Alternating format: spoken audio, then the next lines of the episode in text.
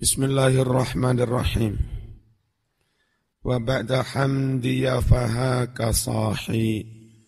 Manzumatan tufitu fin nikahi. Kalimat wa ba'da hamdi kadang-kadang ulama maka istilah amma ba'du. Selanjutnya next. Ya. Itu bahasa Arabnya wa ba'da hamdi atau amma amma ba'du. Kalimat itu kalimat untuk menyela, biasanya dari mukaddimah lalu pindah ke isi. Itu disela dengan kalimat amma ba'du. Eh, apa? Wa ba'da ham, hamdi. Qala jama'atun min ahlil ilmi. Qala wasdawuh Sopo jamaatun segolongan min ahlil ilmi sangking poro ulama kang ahli ilmu. Dawuhe hiya utawi kalimat wa ba'da hamdi atau amma ba'du iku faslul khitab kalimat kangge misah dawuh kalimat sela untuk memisah, memindah dari mukaddimah kepada isi. Alladhi rupane faslul khitab. Utia kang wus den paringi hu ing faslul khitab. Sapa sing diparingi faslul khitab mau? Dawudu Nabi Dawud alaihi salam di Quran disebut wa faslal khitab wa azzani fil khitab. Nabi Daud itu yang diilhami oleh Allah nek pidato mukaddimah lalu sebelum menginjak ke isi ngucap amma ba'du atau wa ba'da hamdi wa ba'da dhalik. Siapakah orang yang pertama-tama maka amma ba'du itu? Waktulifa lan den ake diperselisihkan fi awaliman mengenai siapakah orang yang pertama. Mas SMP lek melaku biasa bae, aja melaku berangkang-berangkang biasa bae. Ya, di biasa nih biasa bae. Sopan yang wajar saja. Waktu li falanten prasulaya ake. Fi awaliman. Ing dalem kawitane wong. Takallamakan ngucap sopeman. Ngucap dawuh biha kelawan ngangge kalimat amma ba'du atau faslul khitab atau wa ba'da hamdi wal ashar utawi kaul kang luweh masyhur. Iku annahu setuhuni awwaluman takallama biha yo iku Dawudu Nabi Dawud alaihi salam. Wa ono sapa Nabi Muhammad sallallahu alaihi wasallam. Ono iku yastakmiluha anggunakake sapa nabi? Ha ing kalimat amma ba'du. Den gunakake fi khutabihi ing dalem pira-pira khutbahe Kanjeng Nabi. Wa ghairiha lan sakliyane khutbah. Terus gunane apa sih amma ba'du itu wa ba'da hamdi wahia utawi kaliman amma ba'du wa ba'da hamdi iku kalimatun kalimah yuk kang den tekaake opo biha kalimah amma ba'du mau ditekaake lil intiqali kanggo pindah pindah min uslubin ila akhir pindah min uslubin sangking uslub gaya bahasa ila akhor ke uslub yang lain. Itu tadi dari mukaddimah pindah ke isi. Make kalimat amma ba'du. Wataku nulan ono opo faslul khitab. Ono iku ma'a amma. Sarto nganggo kalimat amma amma ba'du. Wa bituniha lan kelawan tanpa kalimat amma. Jadi kadang ngangge amma kadang tanpa kalimat amma. Yang di sini tanpa amma. Langsung wa ba'da hamdi saya juga sering kalau khutbah wa ba'du itu dok Kadang juga amma ba'du, pakai amma. Kama huna tanpa amma, kama koyok perkoro, huna kang ono ing kene. Di sini tanpa amma juga. Apa maksudnya wabak hamdiyah itu? Ay tegese wabak dama taqaddama Wa ba'da lan sakwuse barang takot dama kang wis dhisik apa ma. Nyatane minal basmalah sakwuse maca bismillah. Walhamdalah sakwuse maca alhamdulillah. Wassalati ala nabi lan sakwuse maca salawat atas nabi sallallahu alaihi wasallam Selanjutnya mas setelah semua itu fahaka sohi. Fahaka maka ambil olehmu ngalaposiro sohi hai saudaraku, dulurku. Apa maknanya haka sohi? Ai tegese fakhud mongko ngalaposiro ya sahibi He dulur ingsun. Nah terus sohibi kok malih dadi sohi ini bain di. Fasohi mongko utawi lafat sohi iku munada munada nida lafat yang dipanggil nida fasohi mongko utawi lafat sohi iku munada munada murakham. Munada murakham munada yang dipotong huruf akhirnya. Nek wong Jawa sing dipotong huruf awalnya Ahmad la, kalau nita mat ya Muti Mahmudi lek nita Mudi. Nek Arab sing dipotong huruf huruf akhirnya jadi kalau Aisyah, orang Arab kalau nita Aisyah dipotong akhirnya nita murokhom, itu Aish. Ya. Hilang huruf akhirnya. Itu cara orang Arab menidak nidak murokhom. Ala isqati harfin nida. Ing atase alasan ngukurake huruf nidak Berarti aslinya ada huruf nida. Biye, ya. Ya sohi. Terus ya sohi itu aslinya onok ba. Biye, ya sohibi. Buang huruf nidaknya dan buang huruf a akhirnya. Wa qawluhu utawi dawe musannif fahaka sohi mandumatan Mandumatan nasab dadi maf'ul. Apa sih mandumah? Ayat tegese urjuzatan. Bait-bait.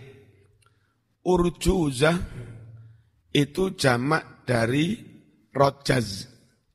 Rojaz itu bahar rojaz. Bahar rojaz itu mustafilun enam kali. Mustafilun, mustafilun, mustafilun, mustafilun, mustafilun, mustafilun. Itu di arut namanya bahar rojaz. Jamaknya urjuzah. Urjuzah dijamakkan mana? Arojiz.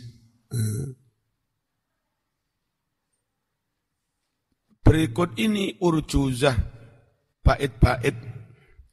Tufi tukang maidai opo bait-bait. Maidai fin nikah. Hal ikhwal tentang perni pernikahan.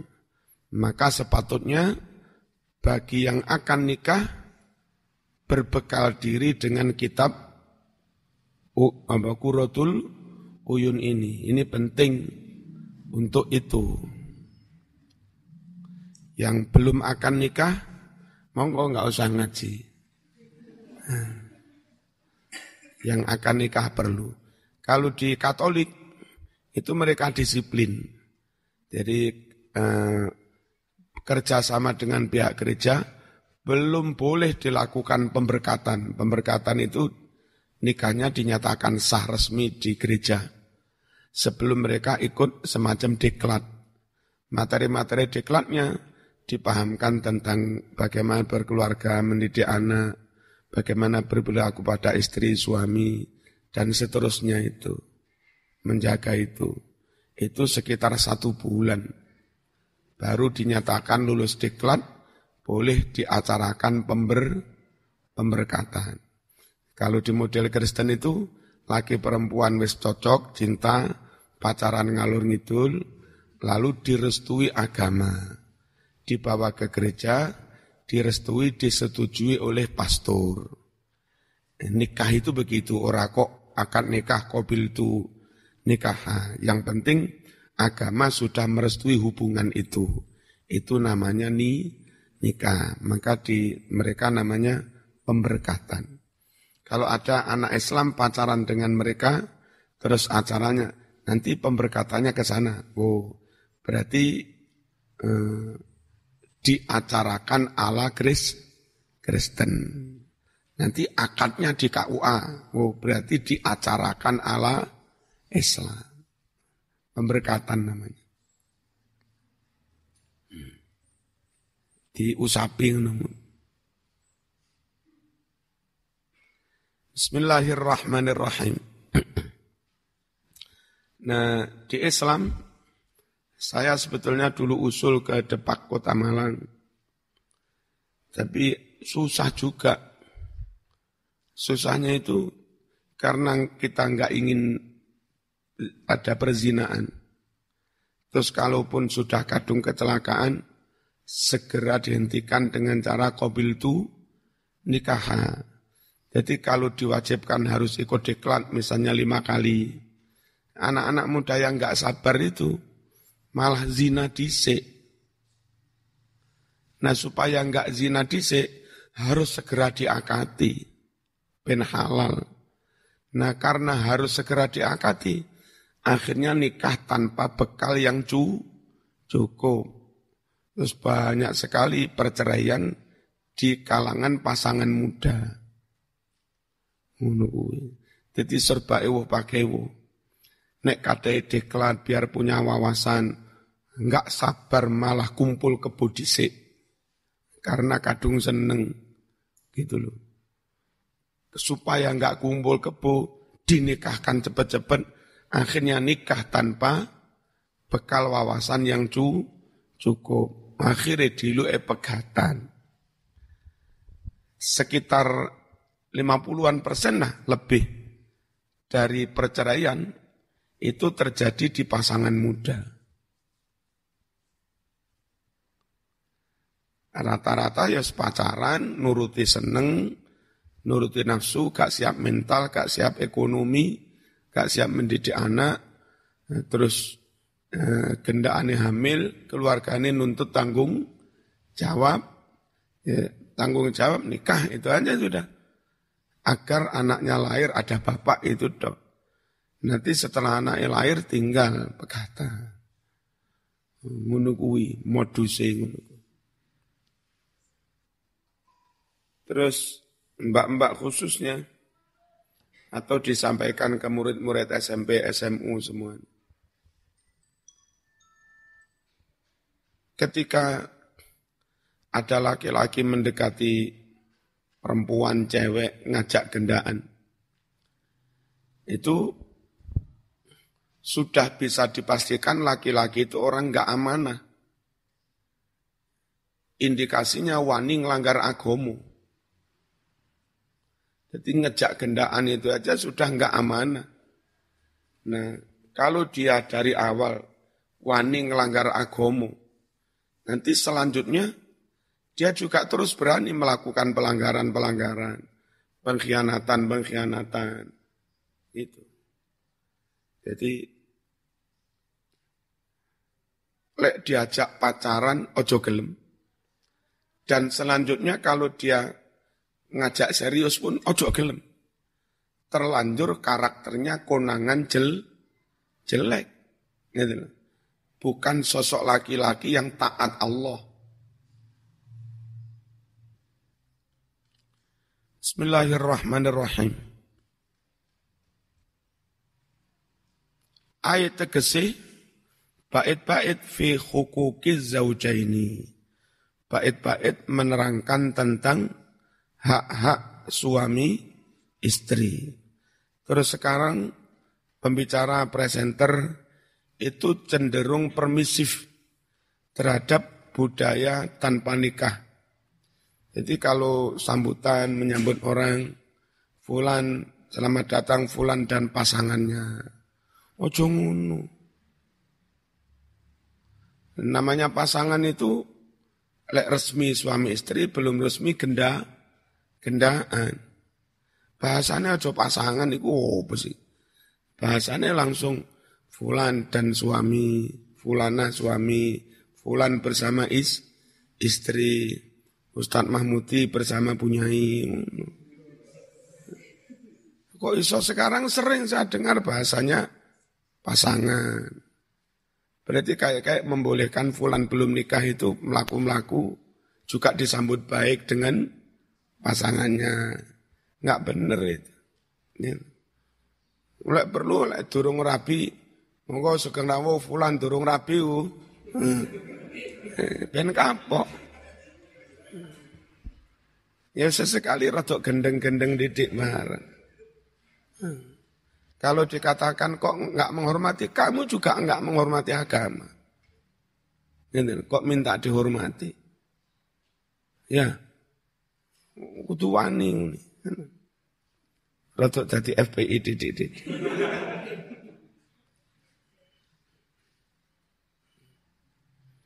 Sering saya ikut acara, membahasakannya pasangannya. Kok ini kyo apa sih modeli? Ya enak no. Menik ganti pasangan.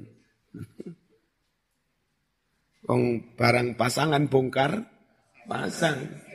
Jadi diluk-diluk gonta ganti bongkar pasang. Niki kitab bait-bait tentang hak-hak suami istri. Wama dan segala sesuatu Ya ta'alaku kang berhubungan apa ma.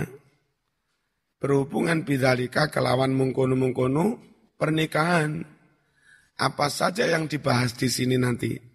Di samping hak-hak suami istri.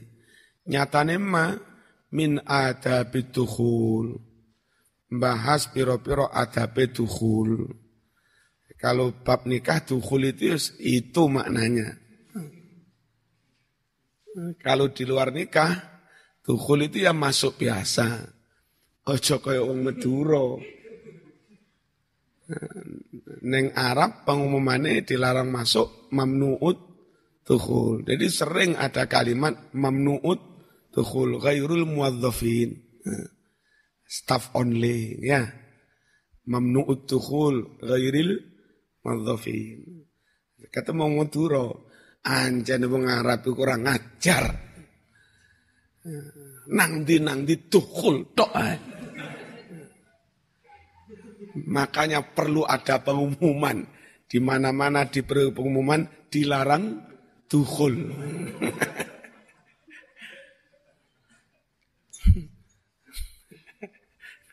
Anjane mengarap kurang ajar. Wong di mana-mana kok dukul. Neng masjid dukul, neng jeding yo dukul. Makanya terus perlu ada pengumuman di mana-mana mamnuut dukul. Ini sing salah paham. Bahas tentang adabnya dukul. Termasuk ma waro al adab, ma qoblal adab, bahas tentang hal-hal yang menyangkut di luar adab itu juga pra-adab. Pra-adab itu misalnya gaya hidup suami. Di sini dibahas pola makan suami. Sebaiknya menghindari nyun sewu timun. Ya, kecut-kecut, blimbing. Menghindari itu. Karena itu melemahkan rambut. Gitu. Ya nanti di dibahas. Kecuali kalau sing lanang wis over overacting. Perlu dilemahkan sedikit.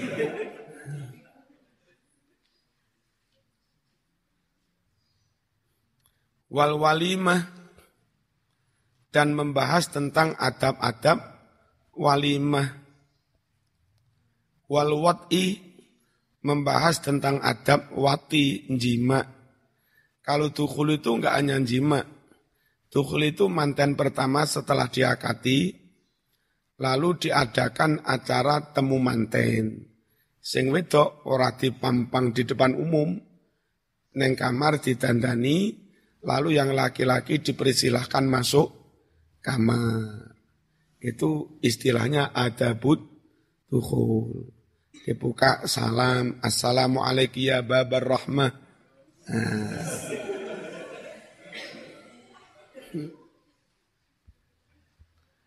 Saya juga kalau kebetulan tuan rumah itu minta advice, istisyarah minta pertimbangan ke saya, tak begitu. Terus pun di estirin Ustaz, oh cekap teng mereka mawon. Betul perlu di bapak-bapak niki. Memang kita tanda tangani. Tanda tangani kersane dibeto bojo ini.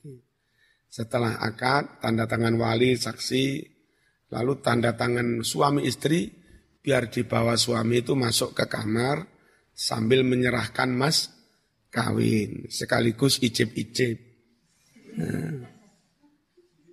Nah, itu tamu lain jangan ikut masuk, kadang ibu-ibu goblok melok melebu. Ora oleh. Itu especially for him. Bismillahirrahmanirrahim. Wa kaifiyatihi dan bahas tentang kaifiyah tata cara ji jima gitu.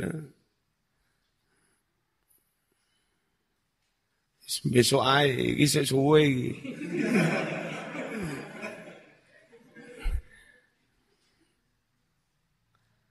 Wa ghairi dzalika dan yang lain-lain.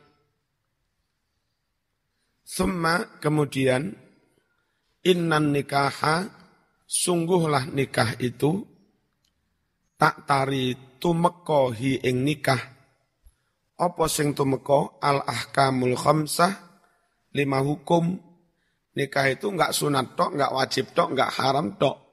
Nikah itu bisa sunnah, bisa wajib, bisa mubah, bisa makruh, bisa ha, haram. Lima hukum itu. Melihat konteks.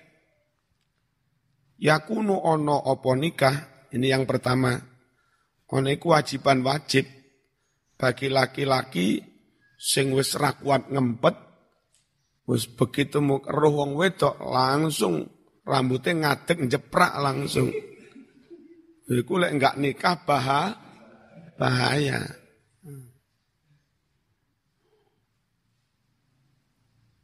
Wadalika utawi mengkono-mengkono nikah hukumi wajib iku fi hakiman tumrap kanggo uwong qadara kang kuwasa sapa mampu alaihi untuk nikah.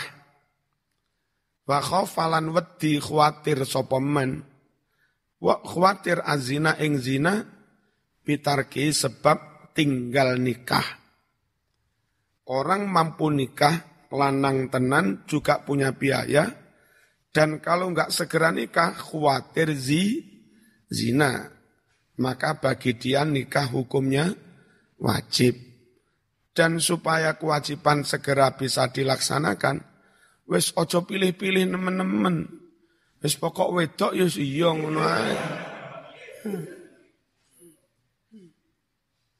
Wong selak zina tidak pilih-pilih lah kapan gitu. Pokok wedok sergap sholat, terus NU, ayu.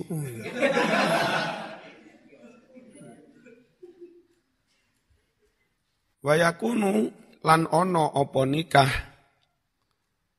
Ono iku manduban dan sunatake. Ada juga hukum nikah itu sun, sunnah. Bagi sopo sing hukum nikah itu sunnah. Fi hakiman tumrap kanggo wong.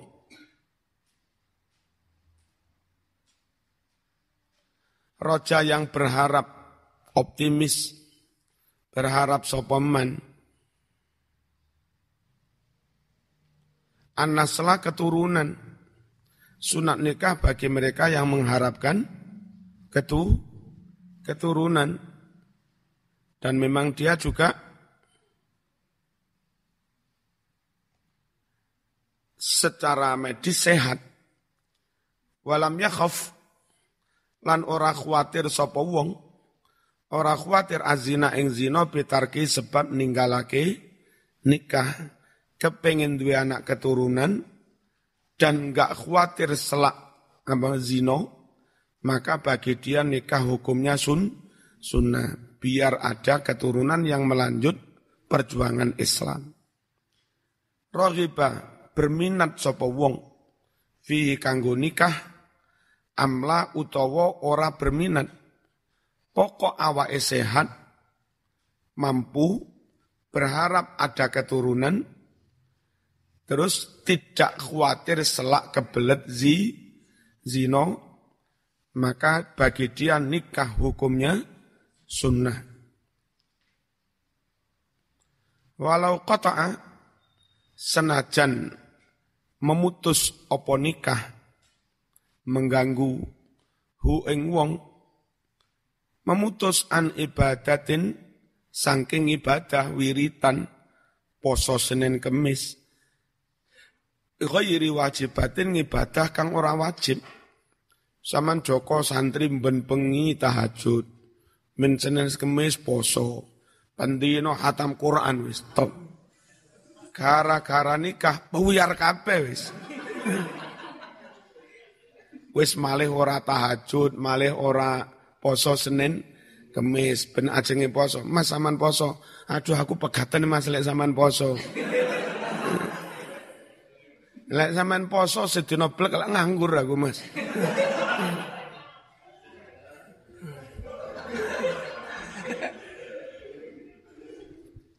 Gara-gara rapi amal-amal sunat buyar kabeh. Itu tetap luwih penting rapi ini.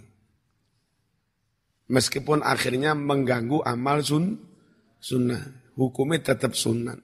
Jadi orang dihukumi makruh. Makruh rapimu Kon gara-gara sunat malah tahajudmu kotek-keter ini. Tetap sunat. Hmm. Ganjaran akeh rapi timbang tahajud tapi gak rapi.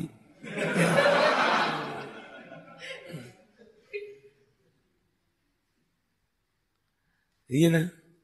Oh, kancamu sing gak rapi-rapi tahajud. Tahajud sampai nun sewu pitung puluh dino. Sama nesuis mari rapi tahajud sepisan ngon kalah deh wis.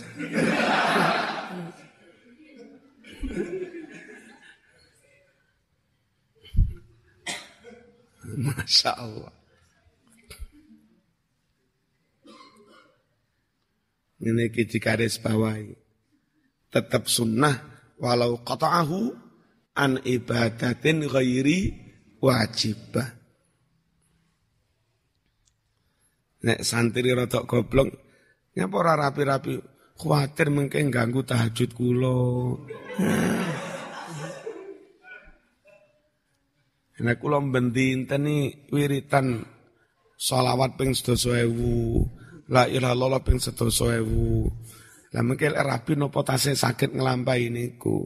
Eman kula anjene kono santri goblok.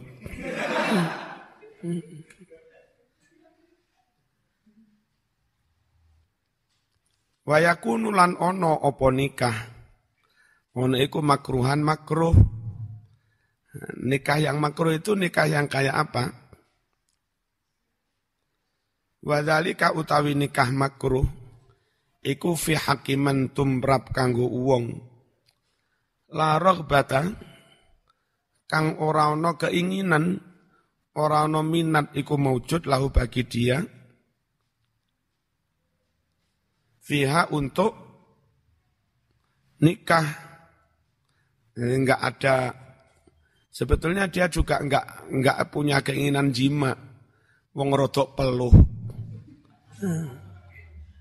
Ah, ini nih lo impoten nih.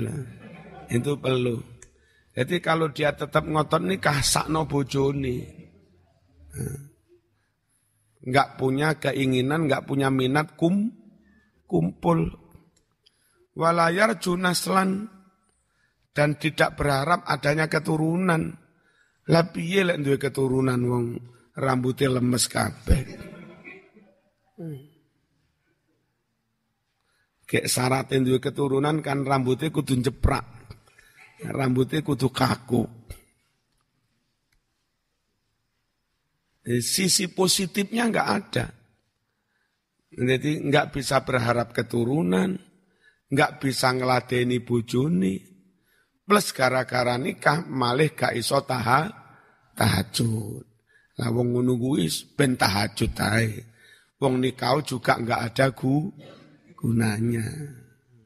Nikah malah mekruh. Ono cah lanang kene sing ngene iki. Nek Afif nikah mekruh apa sunah?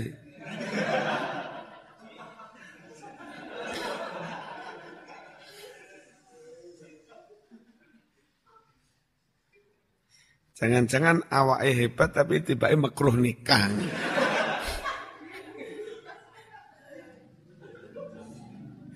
Perlu dipanas-panasi, cek bukteknya. Kalau bukteknya pun.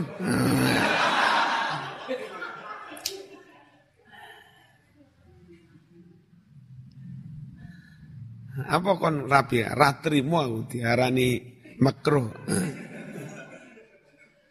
Eh tak buktek nih setahun setengah anak lahir. Loh, loh.